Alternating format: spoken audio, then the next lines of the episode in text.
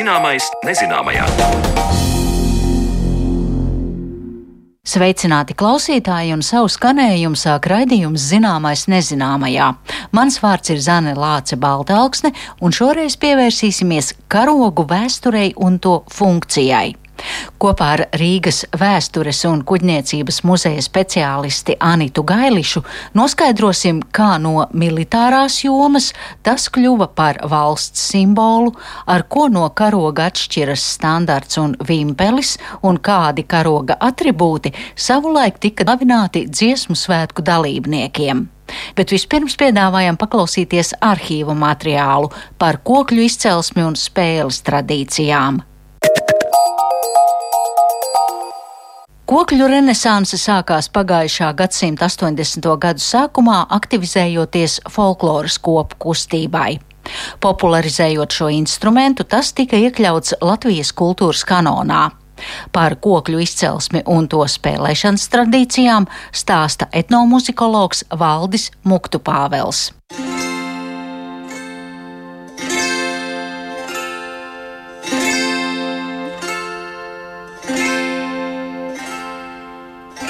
Bez šaubām jau aizvēsturiskos laikos latvieši ir pazinuši kokli, kā to pierāda viņas nosaukums. Koklis vārds ir cēlies no kankles, kāda forma ir vēl uzglabājusies leišu valodā, un vēl vecāka forma ir bijusi kantles, jo savienojums ir tikpat latviešu, leišu, kā arī dažas izloksnes senprūšu valodā. Ja sīkāk apskata šo vārdu un nāk pie slēdziena, ka somi ir no baltu valodām patapinājuši savu koklas nosaukumu, salīdzinājumam somu valodā kantele un igauņu kaneli. Un, ja tas ir tā, tad interesanti novērot, ka latviešiem jau sirmā senatnē ir bijis pazīstams stīgu instruments, kas citām tautām varēja noderēt par paraugu. Tā par kokliem pagājušā gadsimta 20. gados publikācijās raksta latviešu valodnieks Jānis Zēvers. Skatot šī instrumenta izcelsmi, tā pirmsākumi ir meklējami aptuveni 3000 gadus senā pagātnē. Senākais zināmais instruments glabājas Latvijas Nacionālajā vēstures muzejā, un uz šīs kokles ir iegrabts gadskaitlis 1710.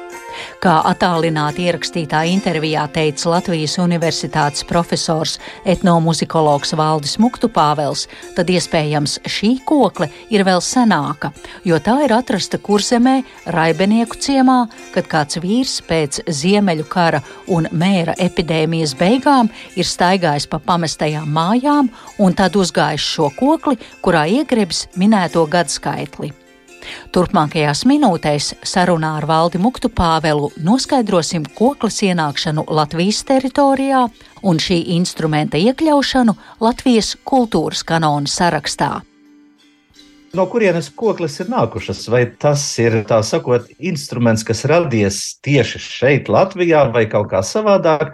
Un eh, šobrīd šķiet, ka viena no pārliecinošākajām domām ir par to, ka tāds pietiekoši sarežģīts instruments kā koklis ir tomēr ceļojis. Nu, kā lai saka, kokli neceļo tā viens ņem tagad padusē un tagad ar laivu dodas un nonāk jaunā zemē, bet tas ir process, kas notiek gadu simtiem. Un tas paraugs koklas veida instrumentiem visdrīzāk ir ķeltu fidele. Krūts, viņu par krūtu sauc ķeltu valodās, nu, teiksim, tāds ar lociņu spēlējams, divu, trīs un līdz pat četru stīgu instruments. Un uh, arheoloģiski var redzēt, ka tam ķeltu krūtam un senākajiem kokles paraugiem ir gandrīz tāda pati uzbūve. Tikai arī jautājums, cik seni ir tie senākie kokles paraugi. Nu, un te mēs nonākam atkal pie lietas, ka uh, senākie paraugi, diemžēl, nav atrodami Latvijā, bet ļoti radniecīgi instrumenti tām koklēm, kas ir Latvijā, ir citās zemēs, rietumu baltu zemēs, šobrīd Polijas teritorijā. Tā ir viena vieta, otra vieta ir Novgoroda, kas ir eh, ziemeļrietumu eh, Krievijas apgabals, kurā ir ļoti spēcīga vēsturiski konstatējama somugru un baltu un skandināvu ietekme. Un tur atrasti arī tādi kokļu veida instrumenti, daudz par kokļu senāko vēsturi. Nu, varbūt piebildīsim, ka Latvijā senākais atradums, arheoloģiskais atradums, ko mēdz interpretēt kā koklis fragments, ir tērvetes pusē atrasts tāds koka gabaliņš ornamentēts, un atraduma autori brīvkalne to raksturo kā koklis rezonatora gabaliņu. Bet, nu, to arī nevar ne pierādīt, ne, ne tā sakot, ne apgāzts tā, ka nu, mums jāpieņem, ka droši vien ka ir tā. Tad, kad jūs pētījāt kokļu vēsturi, ko jūs atklājāt, kas tagadējā Latvijas teritorijā šo instrumentu spēlēja un um, kādā kontekstā agrāk kokli tika pieminēta? Jautājums ir par to, kādi tad dokumenti, liecības mūsu rīcībā ir. Un, diemžēl to ir ļoti maz. Jo mūzikas instrumenti vispār Latvijas teritorijā, tādos senākos vēsturiskos dokumentos, ļoti reti parādās. Kronikas, piemēram, Indriča Livonijas kronika, atskaņu kronika. Tur koklis vispār neparādās. Kā instruments tur ir pieminēti kara instrumenti, piemēram, tur ir stabules, bungas, bet ne koklis. Varētu teikt, ka senākā rakstiskā liecība, kas netieši liecina par koklēm, ir Rīga cunftēm. Viņiem bija tādi amatnieku saraksti. Un uh, savulaik uh, valodnieks Bless bija papētījis šos sarakstus un publicējis. Tur ir uzvārdi, kurus varētu traktēt kā muzikantu uzvārdus. Piemēram, tur koklenik, nu, tātad koklenieks. Nu, kas koklenieks? Droši vien, ka tāds, kam bija kokļu spēlēšana. Un šie saraksti attiecas uz, nu, faktiski uz 15. gadsimtu. Cik eh, daudz viņu izmantoja, cik plaši tas instruments bija, to mēs arī nevaram pateikt, jo pietrūkst liecību. 18. gadsimtā rakstos gan parādās arī par kādai liecībai par koklēm, bet jāteic, ka viņas nevienmēr ir tādas ļoti pozitīvas. Piemēram, 18. gadsimts vienā no vācu ceļotāju uh, dienas grāmatām ir tāda piezīme, ka viņi, nu, domāti latvieši un igauni, jo viņš tātad vidzemē bija nonācis, vidzemē tajā laikā bija tā, gan ar latviešu, gan ar igauņu daļu. Viņi priecājas dejojot pie savām dūdām, kas ir viņu iemīļotākais instruments. Un tālāk tāda piezīme - atstājot nožēlojamo piecstīgu guļošo arfu tālu iepakaļ. Nu, piecstīgu guļošu arfa skaidrs. Latvijas muzejos savāktajām koklēm ir diezgan daudz piecas stīgas, un vairāki pētnieki, kas ar to darbojās, uzskatīja, ka tas ir tas kokļu senākais veids. Nu, tā tad tāda nepārāk cildinoša atsauksme. Šeit es gribētu kaut ko piebilst no saviem pētījumiem, un ne tikai no Latvijas, bet ļoti nozīmīgi mums arī kaimiņi ir lietuviešu, igauņu materiāli, jo koklis ir gandrīz viens un tas pats instruments visā šajā austrumu Baltijas teritorijā. Un eh, tādā salīdzinošā veidā nākas secināt, ka lūk, šīs piecstīgu kokles nebija instruments, kuru, piemēram, publiski spēlēja uz dejām, bet drīzāk tas bija instruments, kas bija mājās, Iespējams, ka katrās mājās, piemēram, ir liecība no Karēlijas 19. gadsimta pētnieks Veicamens. Ceļojot pa Karēliju, ir savā dienas grāmatā pierakstījis tādu novērojumu. Kantele, nu, kantele tas ir kā karēļi sauc koklis vai instrumentu. Kantele karājas katra zemnieka būdiņā pie sienas, un vakarā pēc dienas darbiem saimnieks to kanteli liek galdā un spēlē sev Tātad instruments, ar ko spēlēt sev, nevis citiem.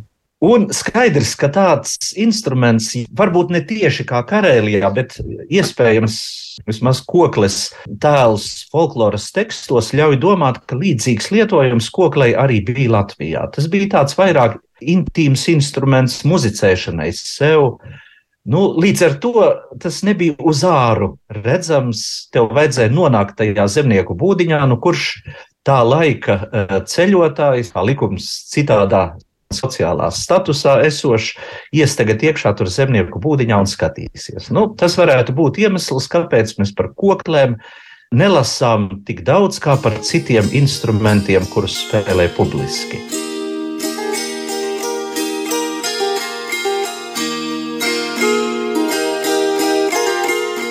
Viena cita lieta ir, ka 19. gadsimta beigās, tad, kad folkloras un etnogrāfijas materiālu vākšana sākās, tad īstenībā koklēm tika pievērsta diezgan liela uzmanība, un Latvijas etnogrāfiskajās kolekcijās koklis ir visvairāk pārstāvētais instruments. Pateicoties etnogrāfei Irisai Priedītei, ir Latvijas muzejos atrodamo instrumentu katalogs tapis un publicēts 80. gadu beigās. Un šajā katalogā mēs varam atrast apmēram 200 kokles. Neviens cits tautas instruments tik labi nav pārstāvēts. Tradicionālajām koklēm ir divi galvenie veidi - greptās un līmētās. Tieši no viena koka gabala greptās koklis ir uzskatāmas par tradīcijas kodolu. Tām ir raksturīgs neliels stīgu skaits no 5 līdz 12.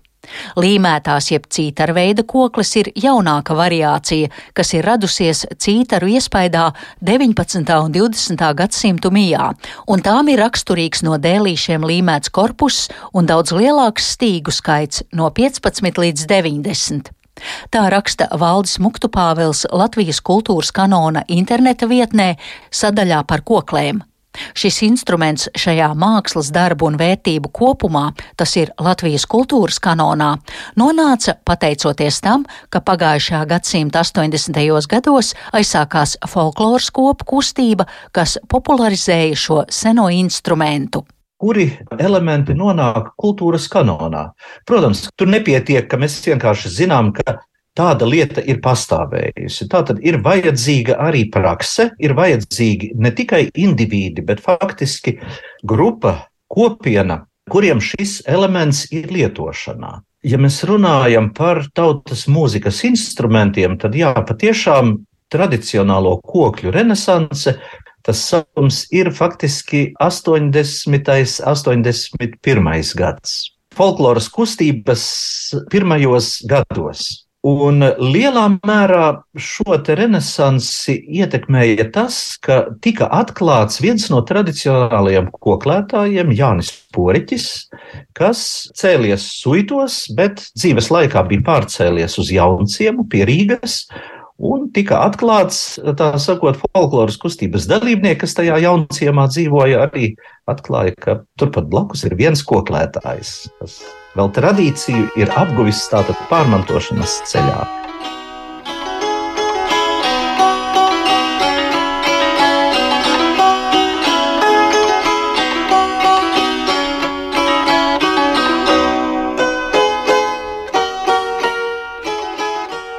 Nu, tas bija, protams, ļoti spēcīgs impulss, bet nevienīgais. Un kopš tā laika uz šīm tradicionālajām koklēm arvien vairāk koklētāju sāk spēlēt. Un šobrīd jau varam runāt par vairākiem simtiem koklētāju Latvijā. Tā, ka, nu, tas process tiešām bija grūti neiekļaut kultūras mantojuma sarakstā šo jau nevis dažu personu grupiņas, tā sakot, vēlmi, bet nu, jau ievērojamas sabiedrības daļas vēlmi, un turklāt vēl ar visu spēcīgo simbolisko skanējumu, kas tam instrumentam ir, tad skaidrs, ka tas ienāca kanonā viens no pirmajiem. Kā varam lasīt Valda Muktu Pāvila rakstā par minēto instrumentu, tad mūsdienās koklēm rodas jauni no tradicionālajiem atšķirīgi veidi - koncertu koklis, elektriskās koklis un citi, tādējādi papildinot tradīciju, kas atklāja instrumenta jaunas iespējas.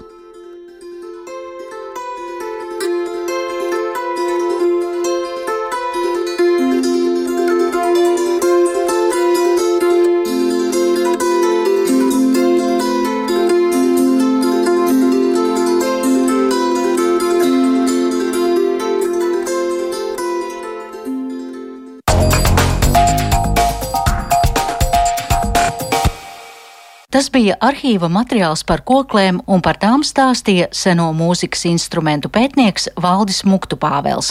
Bet par karogu izcelsmi un nozīmi runāsim pēc brīža.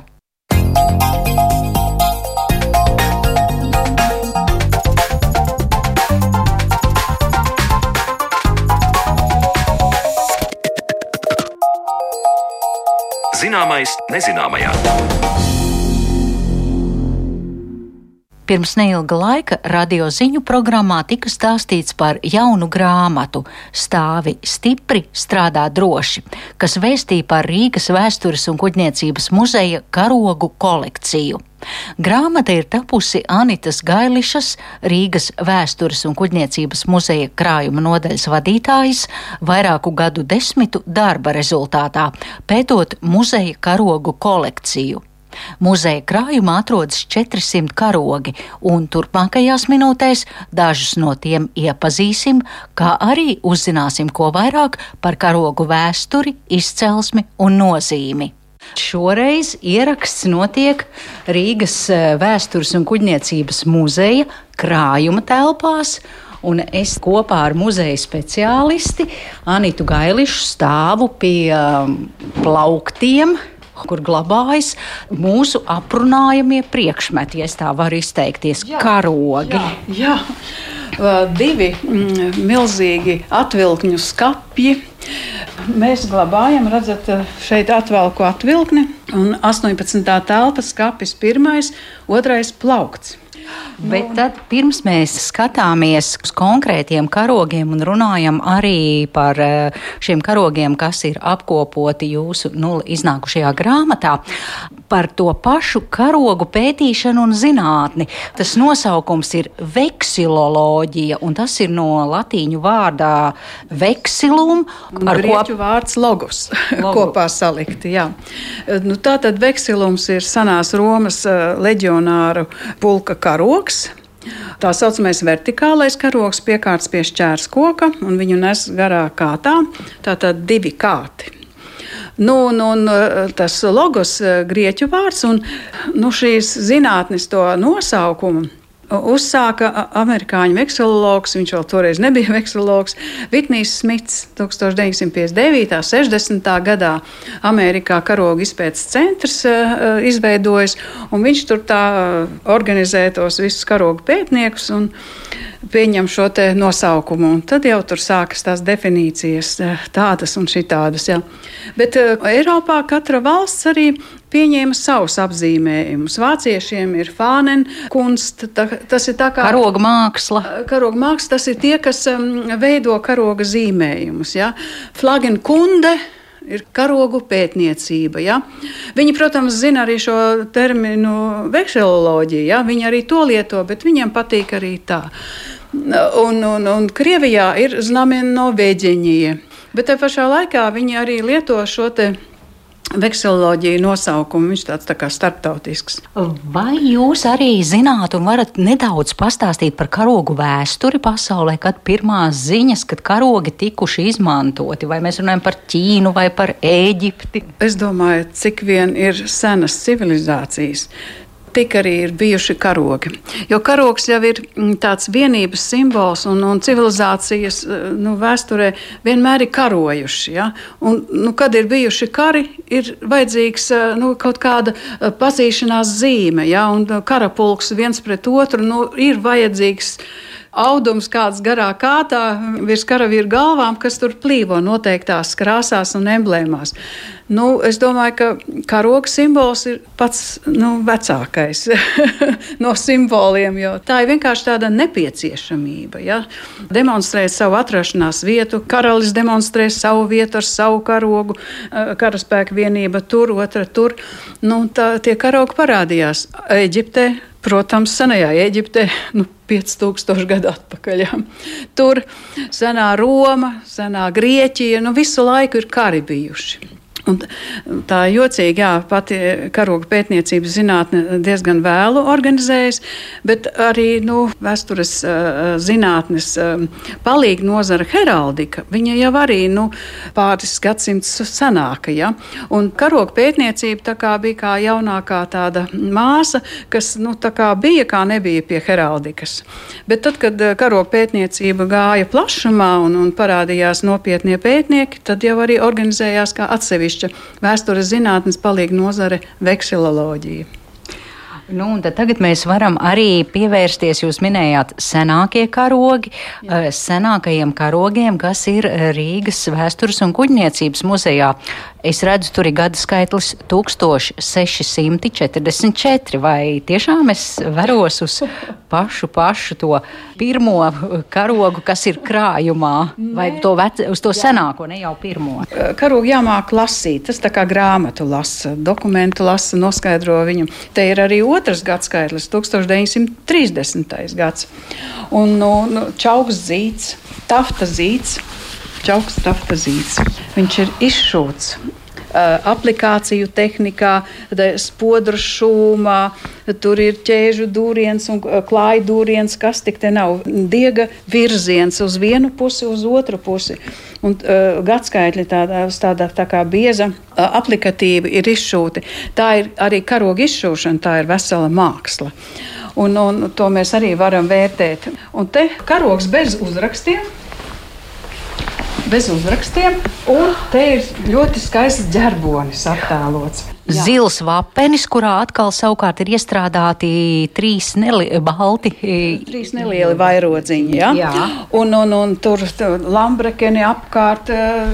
Par lambrekeniem mēs saucam šos barokālā stilā veidotās tās lapu vijas, tādas dekoratīvas. Jā. Jā. Uh, virs vairoga ir bruņinieka aizsargķīvere. Ķīvere, jā. jā stīpu ķibere, jā, te ir tās stīpas, un te pašā augšā tāds tā kā kleinots, nu, sieviete ar aizvērtām acīm brieža ragu tādā ietvarā. Uz nu, varavīksnes fona. Uz vēl, vēl pie tam tiešām tik daudz krāsaini. Starp citu, uzskaits grāmatā rakstīts Melngalvju biedrības karoks. Nu, tā sieviete tāda tumša izšūta, ja, bet nu, sieviete melngalva tirgotāja biedrībā sievietes neuzņēma. Un man šis uh, nosaukums ļoti mulsināja. Bet nu, toreiz uh, saprotu kolēģis, kuri 1950. gados lielā ātrumā un steigā uzskaitīja visus priekšmetus, kas bija atvesti no Vācijas. Ja? 1946. gadā Tie bija tūkstoši priekšmetu, un, nu, kad ir uzlikts termiņš mēneša laikā, visus iegrāmatot, tur nebija joki tajā laikā. Un, nu, gadījās tāds, bet es arī ilgi domāju, nu, kas par melngalvi karogu.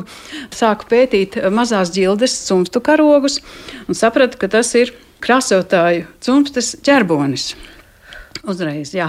Pēc kā to varēja saprast, jo tur nav ne otras, ne krāsu podi. Jā, nu, tā ir atkal tā saistība vekseloģijai ar heraldiku. Tātad ģerboņa lieta ir viņu lauciņš, un pētot cimstu karogus, es sapratu, ka viņiem ir e, cimstas ģerbonis, un to viņi lika arī uz karogiem. Tie trīs baltie vairodziņi uz tā zilā vapeņa. Jā. Tas bija krāsotāja cimstei. Krāsotāja cimstas e, ģerbonis, Rīgas e, cimstas ģerbonis. Bet tur jau tā lieta, ka cimstas, viduslaika cimstas Eiropā zeļi ceļoja no vienas pilsētas uz otru. Viņiem tas bija paredzēts paredzēts amata apgūšanas eh, laikā, un viņi pārņēma arī šos simbolus. Rīgas eh, krāsotāji Cuntas zeļi aizbraukuši piemēram, 1644. gadā, aizbrauc uz uh, Lībeku vai, vai Štūtgārti, un tur skatās, ka nu, tur tāds skaists ģerbonis krāsotājiem. Viņi atbrauc uz Rīgu un stāsta to. Un, nu, tādā veidā pārņem. Viņi tādi tā kā internacionāli tie uh, simboli uh, cunftēm sanāk. Bet nu, vienalga ir jāpaskatās, un tomēr uh, vācu krāsotāju cunftēm ir mm, sarkans vairogs pamatā, ja, rīdziniekiem zilā krāsā. Nu, jā, ir nianses, un tas viss tā kā jāizzina, jāizzina, jāizzina. Jūs iesākumā šo karogu cilājot, jūs teicāt, čaukst zīts. Uh, es uh, arī papildus šim raidījumam veidoju raidījumu sapuni par uh, muzeju priekšmetiem Latvijas muzejos, un Jā. cik man ir rādīti tie senie karogi, vienmēr runa ir par zīdu. Es jautāju par karogu audumiem, Vienmēr senatnē tas bija zīts. Bija arī, es domāju, plāns kokvilnas audums, tie lielie karogi, kas bija kainiekiem. Bet, teiksim, jātnieki parasti jāja ar karogiem, kas bija mazāki izmēri, tur 50 x 50 cm. Ar lielu karogu uz zirga būtu pagrūti. Viņš tas lielais audums aptītos ap to bruņinieku un būtu beigas viņam. Bet tātad jātniekiem standarti ir karogi, ja tur ir cita kompozīcija, citi materiāli, tos parasti no tāda bieza damasta izšuva ar zelta brokāta diegiem, ar sudraba brokāta diegiem, arī bārkšas tādas smagnējas no tā paša materiāla.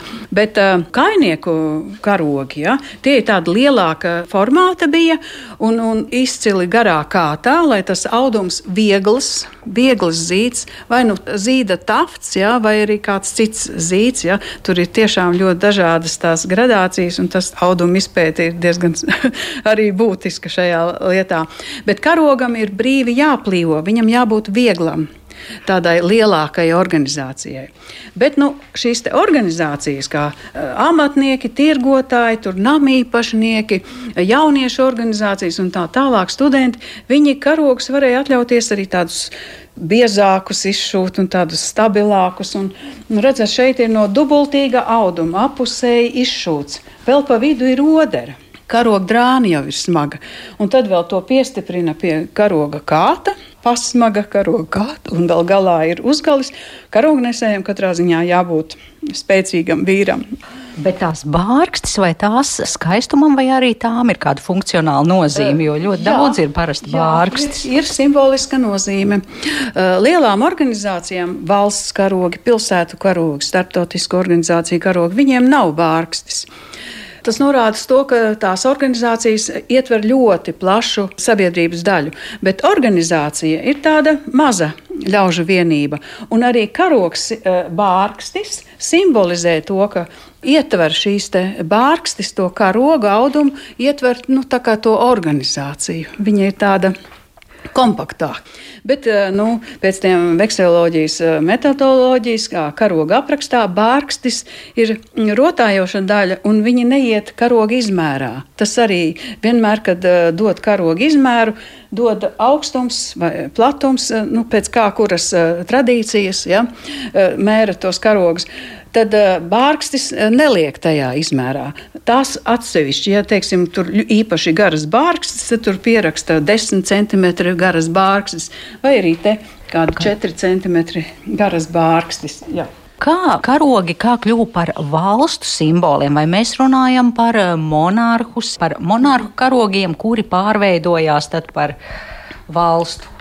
Nu, jā, tad, kad arī valstis veidojas, vispirms ir pilsētu karogi. Ja? Pilsētu valstis jau vienmēr bijušas arī eh, senajā Romā, senajā Grieķijā, un tas bija arī tā svarīgi. Bet uh, tad, kad sākās starptautiskā kuģniecība, ja? 17. gadsimtā lielie geogrāfiskie atklājumi, kuģis jūrā Viņš ir ar karogu, nu, tādu pazīšanās zīmi. Nu, karogam jābūt mm, ļoti lakoniskam tam zīmējumam un jāsimbolizē vai tā pilsēta vai uh, valsts. Un līdz ar to arī 17. gadsimtā mēs varam runāt par uh, valstu karogu aizsākumu līdz ar kuģniecību, līdz ar kuģiem. Jūs teicāt, ka karogam jābūt lakoniskam, un tad es iedomājos Rīgas pilsētas karogu jāprasa jums par tā vēsturi, jo tur taču tur ir gan dzīvnieki, tur ir lauva un grifs, tur ir vārti, tur ir atslēgas, un arī skatoties uz šiem karogiem, nu, tie ir, e, tā teikt, daudzvārdīgi. daudzvārdīgi, jā. Nu, tas attiec uz to uh, organizāciju karogu uh, izskatu vairāk, ja. Bet uh, arī valstu karogu karogu dizains ir ļoti dažāds. Nu, mēs taču redzam, citur ir septiņas krāsas, citur ir tikai divas krāsas, trīs krāsas. Nu, Veksologi, kas vairāk tieši pēta tos valstu un pilsētu karogus, nu, viņi arī analizē par to, kādiem jaunajiem pilsētu un valsts karogiem jābūt, ka tur nedrīkst būt pa daudz krāsu, viņš nevar būt pa daudz raips jo viņš plīvo kaut kur tālu augstumā, un cilvēkiem jāsaprot, kas tas pa simbolu. Organizācija savu karogu nes savā pulciņā, viņi to karogu redz, bet valstu karogs, viņš plīvo kaut kur augstumā, ja? un, un cilvēkus viņš mazāk var vienot, ja cilvēki nesaprot, kas tur ir redzams. Tad viņam jābūt pazīstamam pēc tā dizaina un pa gabalu. Ah. Un arī pēc tradīcijām. Katrai valstī ir savas tradīcijas, un kā tas karoks ir veidojies. Tas jau arī ir jāņem vērā. To nevar neņemt vērā. Viņš nevar mākslīgi izdomāt, ka tagad mums būs tāds valsts karoks. Tas viss nāk no senatnes, no, no valsts vēstures. Eh, skatot uz šo atvilkni, eh, kur jūs rādāt dažādu biedrību karogus, jautājums ir par gada skaitļiem. Te tas viens ir 1644. Jā. Es saprotu, cunftes dibināšanas gads, bet kāpēc, un es skatos arī nākamam karogam, ir 1733 ādmiņu amats, un līdzās ir otrs gada skaitlis, kas ir 1930 uz viena karoga un 1933. gads uz to ādmiņu amata karogu. Jā, tie senākie karogi, viens variants, ka tas eh, nozīmē, kad ir tas eh, amats dibināts. Kad ir apstiprinātas šrāgas, nu, cunftes šrāgas amatnoteikumi. Jaunākais gadskaitlis, tas ir eh, simtprocentīgi, ka tas ir karoga izgatavošanas gads. Principā šie gadskaitļi atspoguļo arī šīs organizācijas vēsturi. Redzat, eh, Rīgas ādmiņu amats savus noteikumus iegūst 1733. gadā. Bet eh, te ir arī tāds nu, strīdīgs jautājums. Tikpat labi tas var būt arī senākā karoga izgatavošanas laiks. Pieņēma statūtus, izgatavoja arī karogu. Es pieņemu, ka tā tas varēja būt, bet nu, to noskaidrot ir diezgan, diezgan sarežģīti. Un viņi izšuja šo gadu skaitli karogā, uz lentas tādas skaistas, nu, amata nosaukums, un šis gads karoga izšūšanas gads. Tad, lūk, tad šis karogs un eh, tie divi minētie karogi, ar ko mēs arī sākām stāstu, tie jau ir izšūti starpkaru Latvijā. Jā, pirms jā. gadiem 90 plus. Nu, to jā, mēs redzam jā. pēc tā materiāla kvalitātes, cik viņš labi saglabājies, ja, un kāds skaists izšūms īpašās karoga darbnīcās pasūtīti karogu e, izšuvējām. Un, nu, tas prieks arī bija diezgan dārgs e, organizācijām. Tāda karoga izšūšana līdz tūkstots latiem, nu, tā ir liela nauda, un ja organizācija uz to parakstās, tas nozīmē, ka viņiem tas karogs ir vajadzīgs vispār jau Latvijas eh, laikā, 20. un 30. gados, var teikt, ka tas ir organizācija karogu bums. Ļoti daudzas organizācijas bija. Cilvēki gribēja pulcēties nu, savu interesu lokā, tur tāda sadzīve un, un arī tāda profesionālā izglītība, aizsardzība. Nu, jā, un tas karoks bija tajā laikā ļoti vajadzīga lieta. Pats atcerēja tāds uh, rakstnieks Melnāksnis veselu tādu runu grāmatu, runas dažādos svētkos. Tur arī ir runas, karogu iesvētot, karogu pasniedzot, karogu saņemot, galda runas pie galda, kad svin šos karogu svētkus. Nu, jūs varat iedomāties, kādas tās bija tradīcijas. Jā. Nu, tad nāk atkal citi politiskie laiki un, un, un organizācijas likvidē. Un tad tie daudzie karogi, kur tad viņus nodod muzejiem, muzejs vienā gadā pieņem kādus tūkstotus priekšmetus, un pēkšņi tas ir kaut kur jāizliek un jāuzskaita un tam līdzīgi. Tas jau bija 37. līdz 40. gadam. Un tad nāk nākamais politiskais laiks, jā, padomju savienības okupācijas laiks. Un atkal biedrības tiek likvidētas, kuras vēl nebija likvidētas, atkal tie karogi, relikvijas tiek nodoti muzejam. Nu, muzeja tas viens no galvenajiem uzdevumiem - vākt, uzskaitīt un saglabāt. Vēl izmantojot to izdevību, ka šis ieraksts notiek, tad, var teikt, epicentrā karogu muzeja krājumā pie karogiem, vai varat vēl kādu karogu parādīt, un, un, un es varu lūgt kādu stāstu. Mēs redzējām te biedrību karogus, mēs runājam jā, par amatnieku biedrībām. Jā, viņu ir daudz. Šeit būs eh, šajā plauktā. Mēs redzam senāku karogu, Un jau arī pēc materiāla mēs redzam, ka materiāls ir no drusciņa cita laika. Arī zīda tafts, bet jau ir tāds mazliet tāds tā kā jau simts gadu vecāks. Ja? Tad mitras zāles krāsā, tumši zaļš piesātināts. Skaisti piesātināts. Un viņš ir kopā ar karoga kātu sānā. Redz, viņu uh, pat nevar tā demontēt atsevišķi, jo viņš uh, ir aplikts ar sudraba naglām, demontēt no karoga auduma ir diezgan sarežģīti. Tā mēs viņu glabājam kopā ar to kātu. Un tad mēs arī to visu varam tā novērtēt. Un te mēs redzam rakstīts. Tādā jūgens stilā izšūtiem ziediem. Mēs pēc arī vizuālā karoga izskata sākam jau vērtēt viņa datējumu, ja, audumu un, un, un emblēmas un arī to māksliniecisko visu noformējumu, jā, nu tādas vītnes un puķes, nu tāds ļoti jūgentisks. Tātad izšūts apmēram 20. gadsimta sākumā. Uh, Uz karoga ir tikai šis viens uh, gads skaitlis, kad ir dibināta Balderājas uh, Daugaugrības palīdzības biedrība. 1900. Jā, gads. Jā. Nu, ziniet, nu, krustušķērs esmu meklējis datumus, kad ir karogs izgatavots un kas ir karoga uh, izšuvēja un kas ir uh, zīmējumi izgatavojis. Nu, vēl joprojām nedodas man rokā. Jūs saprotiet, nav tik vienkārši. Laiks ir vajadzīgs, lai to izpētītu. Bet kas ir šī Bolderājas palīdzības biedrība? Vai to ir izdevies Bolder, atšifrēt? Nu, šīs palīdzības biedrības ļoti daudzas organizējās 19. gadsimtā, gadsimtā, kad vispār sabiedrība organizējās biedrībās. Eh, bija tāds arī biedrību bums, sākās eh, cilvēki vienkārši organizējās interešu biedrībās. Palīdzības biedrība viens otram palīdz. Principā sanāk cilvēki noteiktā teritorijā, piemēram, Bolderāja uz Dvinska. Bolderājas uz Dvinskas palīdzības biedrību. Daugaugrīvas mēs šodien. Uz Dvinska. Nu, jā, tas ir vēl cara laiks, jā, jā tāpēc jā. šis uzraksts, bet jā. latviešu valodā. Jā, nu un biedri sanāk, viņiem ir uh, valde, un ko viņi nolēma, ko darīt. Viņi pabalstīs savus biedrus, vāc biedra naudas, un ja kādam iet grūti, viņu pabalsta, ceļ mm, savu namu Tur tiekās cilvēki, rīko eh, koncertus, teātris izrādes, dodas zaļumos parasti. Tā, nu, tāda kopības sajūta. Un arī šis karoks, nu, tas ir vajadzīgs viņiem tajā laikā. Tas ir nopietni, jā. jo viņi arī zaļumos izbrauc, nu, kā tur presē rakstīts, izbrauc zaļumos ar karogu.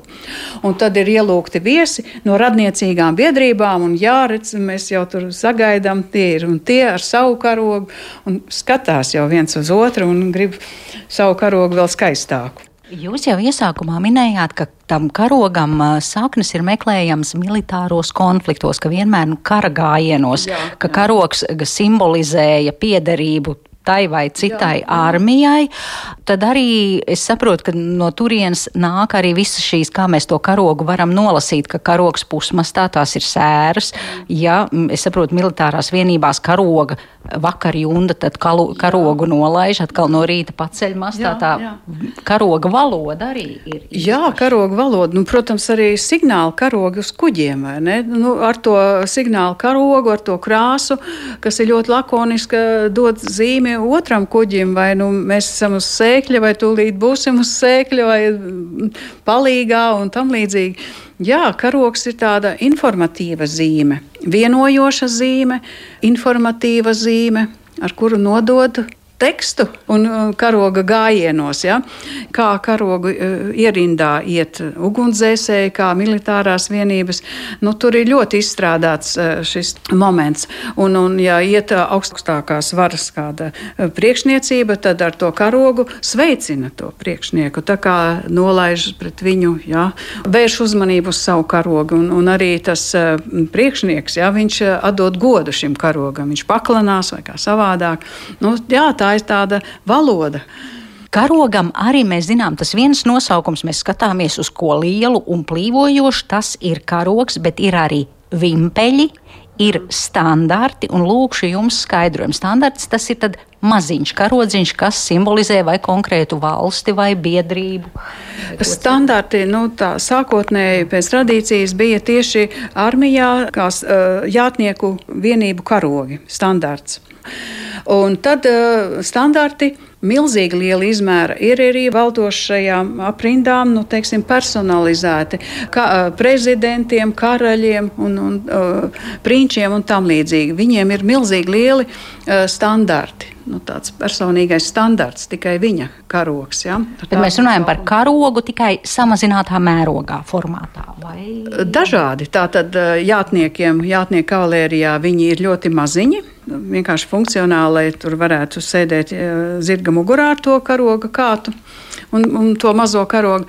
Bet uh, valdnieks, karalis vai prezidents, ja, viņš jau sēž kādā savā tronī, ja, un tad uh, tas karogs viņam ir blakus nolikts, un, un tas var būt iespaidīgi liels, grezns izšūts, nu, cik nu kurš gribējis. Tā kā ļoti dažādi izmēri, bet tas ir tā, viņam tāds iegājis nosaukums standarts.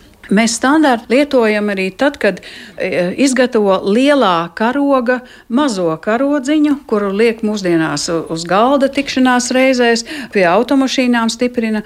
Un tas tad ir lielā karoga standarts. Nu, tādā nozīmē.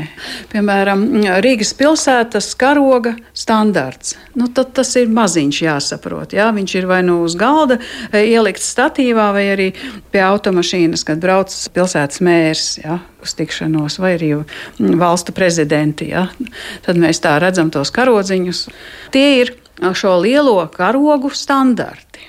Un kā ir ar vimpeļiem, kas ir, vai tie vienmēr tādi garani trīs stūri? Vai? Jā, vimpelis tā tad ir pagarinātas formas, karoks, jā, viņš principā ir karoks, bet viņš ir pagarinātas formas trīs stūra formā. Un tas ir visvairāk izplatīts tieši uz kuģiem, jo tur arī šī e, kuģu tradīcijas karogi, kad uh, uzvelk karogu mastā, kad nolaiž, kad viņš ir ostā, kad viņš izbrauc no ostas vai uz kuģa ir uzkāpis kāda amatpersona persona, kuram ir tieši tas vimpelis tāds. Mums arī tagad valsts karoga likumā ir arī ieviests uh, valsts karoga vimpelis. To arī lieto, jā, bet viņš neaizstāja valsts karogu. Jā. Viņu nedrīkst arī izkārt pie mājas um, durvīm. Jā. Viņam ir citas funkcijas. Viņš uh, mastā viņu var uzvilkt sētā, jā, tam līdzīgi. Nu, Zviedrijā tas ir ļoti populāri, ka viņiem pie mājām plīvošie valstu karogu vimpeļi tādā veidā. Nu, tagad arī daudz vietu Latvijā mēs varam jā. redzēt privāti mājās jā, karoga jā. mastas, kur jā, šie garanie trīs stūrīši, sarkani, balts, sarkanie, tātad jā. karoga vimpeļi. Karoga vimpeļi, jā. Vienīgi tā, mums ir viens vārds karogs. Un tad ir tā, lai arī pateiktu, kas tas ir par karogu, mums jāsaka valsts karogs, pilsētas karogs, organizācijas karogs pēc klasifikācijas. Nu, mēs tagad uh, apzīmējam šos karogus ar, kā, ar apzīmētāju. Valsts karogs. Un, un, un pilsētas karogs, organizācijas karogs. Augšgalā ir valstu karogi, Tad nāk reģionālie karogi, tie ir pilsētu, novadu karogi, un tad uh, zemāk attiecīgi organizāciju karogi. Un tad arī ir tādi notikumu karogi. Kā? kas kon atspoguļo konkrētu notikumu, jā, pasākumu. Jā, un piemēram, vispārējie dziesmu svētki. Tas nav valsts karoks, tas nav pilsētas karoks, tas nav Rīgas Latviešu biedrības karoks, kas to organizēja. Kas tas ir? Jā, jau ir mm, zinātne, jāliek klasifikatorā pieminējāt eh, dziesmu svētkus, un, un te es eh, gribu arī ar jums aprunāties par karogiem un karogu piederumiem. Un nāk man prātā šovasar ierakstīju burvīgu stāstu rakstniecības un mūzikas muzejā, kur eh, šī muzeja speciāliste Daiga Bondare pastāstīja par vienu senu fotografiju, kur ir redzama vecpiebalgas jauktais koris, kurš 1888. gadā trešajos latviešu dziesmu svētkos ieguva koru sacensībās godalgu, nevis karogu, bet karoga kātu. Un mums zināmais rakstnieks Matīs Skaudzīti, kurš arī dziedāja tajā vecpiebalgs jauktajā korī, Jā. viņš pozē ar šo karoga kātu. Un palasot arī informāciju par šiem 1888. gada trešajiem latviešu dziedāšanas svētkiem, tur arī bija tādas balvas kā karoga lenta. Jā, karoks tas ir komplekss. Mēs viņu redzam kā kompleksu. Tā nav tikai drāna. Ir tātad pamatā drāna, karogu nes kātā. Kāta galā ir uzgalis. Un tad mēs vēl redzam uz kātā iedzītas dažādas simbolus, vairoga veidā, tādā izliektā vairoga veidā, tās saucās karoga naglas. Nu, ja, un, un reizēm pie karoga uzgaļa plīvo tādas lentas. Tās visas runā, šie karoga piedarumi runā par šīs organizācijas vēsturi. Un, un nu, organizējot arī pirmos dziesmu svētkus, nu, tie cilvēki saprata, ka viņi zināja, kas ir karoks un cik grūti ir dziedāšanas biedrībām vispār iegādāties šo karogu. Ja? Un tad nolēma, ka būs šīs dziesmu svētku balvas tieši karoga piederumi. Skaisti sudraba uzgaļi, tad šīs te, karoga lentas, vienkārša uzgaļi un, un tie lielā balva, mazā balva. Līdz ar to lielāks karoga uzgalis, mazāks karoga uzgalis. Un tad ir vienkārši karoga kāta uzgaļa. Un, to, un tos es skatos vienalga. Viņš ir no sudraba, ir sarglabājušās dažas fotogrāfijas, kas par to liecina. Un tad ir arī karoga lentes ar sprādzēm. Tātad sprādze ar karoga lentu. Un to arī dabūna nu, dažādas biedrības, un viņi to piestiprina pie tā sava karoga. Un interesanti, nu, ka tas arī liecina gan par tiem notikumiem, kas bijuši par šīs organizācijas vēsturi, un arī šie karoga piedarumi eh, ļauj tā eh, vienkārši izpētīt šī karoga vēsturi, kas ir redzama arī fotografijā. Un tas ir interesanti, ka, piemēram, Rīgas Latviešu dziedāšanas biedrības. Koris ir fotografējies ļoti daudz. 1880. gadā, 88. 95. gadā. Un uh, datēt šo fotografiju reizēm ir diezgan sarežģīti. Viņi sēž koris Tur mm, karoks plīvo tas, kas ir viņiem, un karoga uzgals bieži ir nogriezts. tas tad es skumstu. Bet ir tagad skatos uz vienas fotogrāfijas, redzams Rīgas Latviešu dziedāšanas biedrība, uh, skoris ar savu karogu, un redzams arī karoga uzgals. Milzīga liela sudraba lira. Bet apakšā anotācija ir rakstīts 1888. gads. Es saku, paga, paga. Tajā gadā viņiem vēl nebija šīs te balvas, sudraba karoga uzgals. Viņi to dabūja tikai 1895. gadā. Jūs saprotiet, var datēt arī precīzāk to um, avotu, kur tas ir redzams. Nu, jā, vispār fotografijām ir liela nozīme. Ja ir bijusi fotofiksācija, tad tu redzi, kurā gadā viņiem tā bija vai savādāk. Jā. Un arī skatoties muzejos, ka tie karogi nu, tik lieliskas liecības ir un ka tie fiksē laiku un cik daudz tie var pastāstīt. Un kas man fascinē, ka tie muzejnieki vienmēr uz to karogu norāda kā uz lielu, lielu dārgumu. Vienalga, vai mēs runājam par Latvijas brīvvalsts karogu, Jā. kas ir slēpts bēniņos vai aizvests trimdā un atvests atpakaļ, Jā. vai kādi senu biedrību karogi vienā vārdā karoks ir emocionāla uh, zīme, simbols, kas vieno cilvēkus. Tas jau viņus arī nu, emocionāli aizskar. Un, un tad, kad uh, kāds grib atņemt viņu vienotības uh, karogu, viņi slēpj to. Ja? Nu, 40. gadā slēpa, pēc kara slēpa, ieraka, ieraka zemē ne tikai tādas um, privātas lietas, ja, varbūt audumu un sudraba, bet arī karogus slēpa. Nu, tas bija ļoti svarīgi. Ja? Skolu karogi un tā. Pēc 90. gadiem, tad, kad mums sāka nest tos karogus, kas saglabāti bēniņos, lādēs, tas bija ļoti emocionāli. Par karogu vēsturi un nozīmi laikmetu gaitā stāstīja Rīgas vēstures un kuģniecības muzeja krājuma nodaļas vadītāja Anita Gailiša. Raidījumu vadīja Zane Lāce Baltalksne, par mūziku rūpējās Girts Bišs, raidījuma producente bija Paula Gulbīnska. Uz sadzirdēšanos citā raidījumā.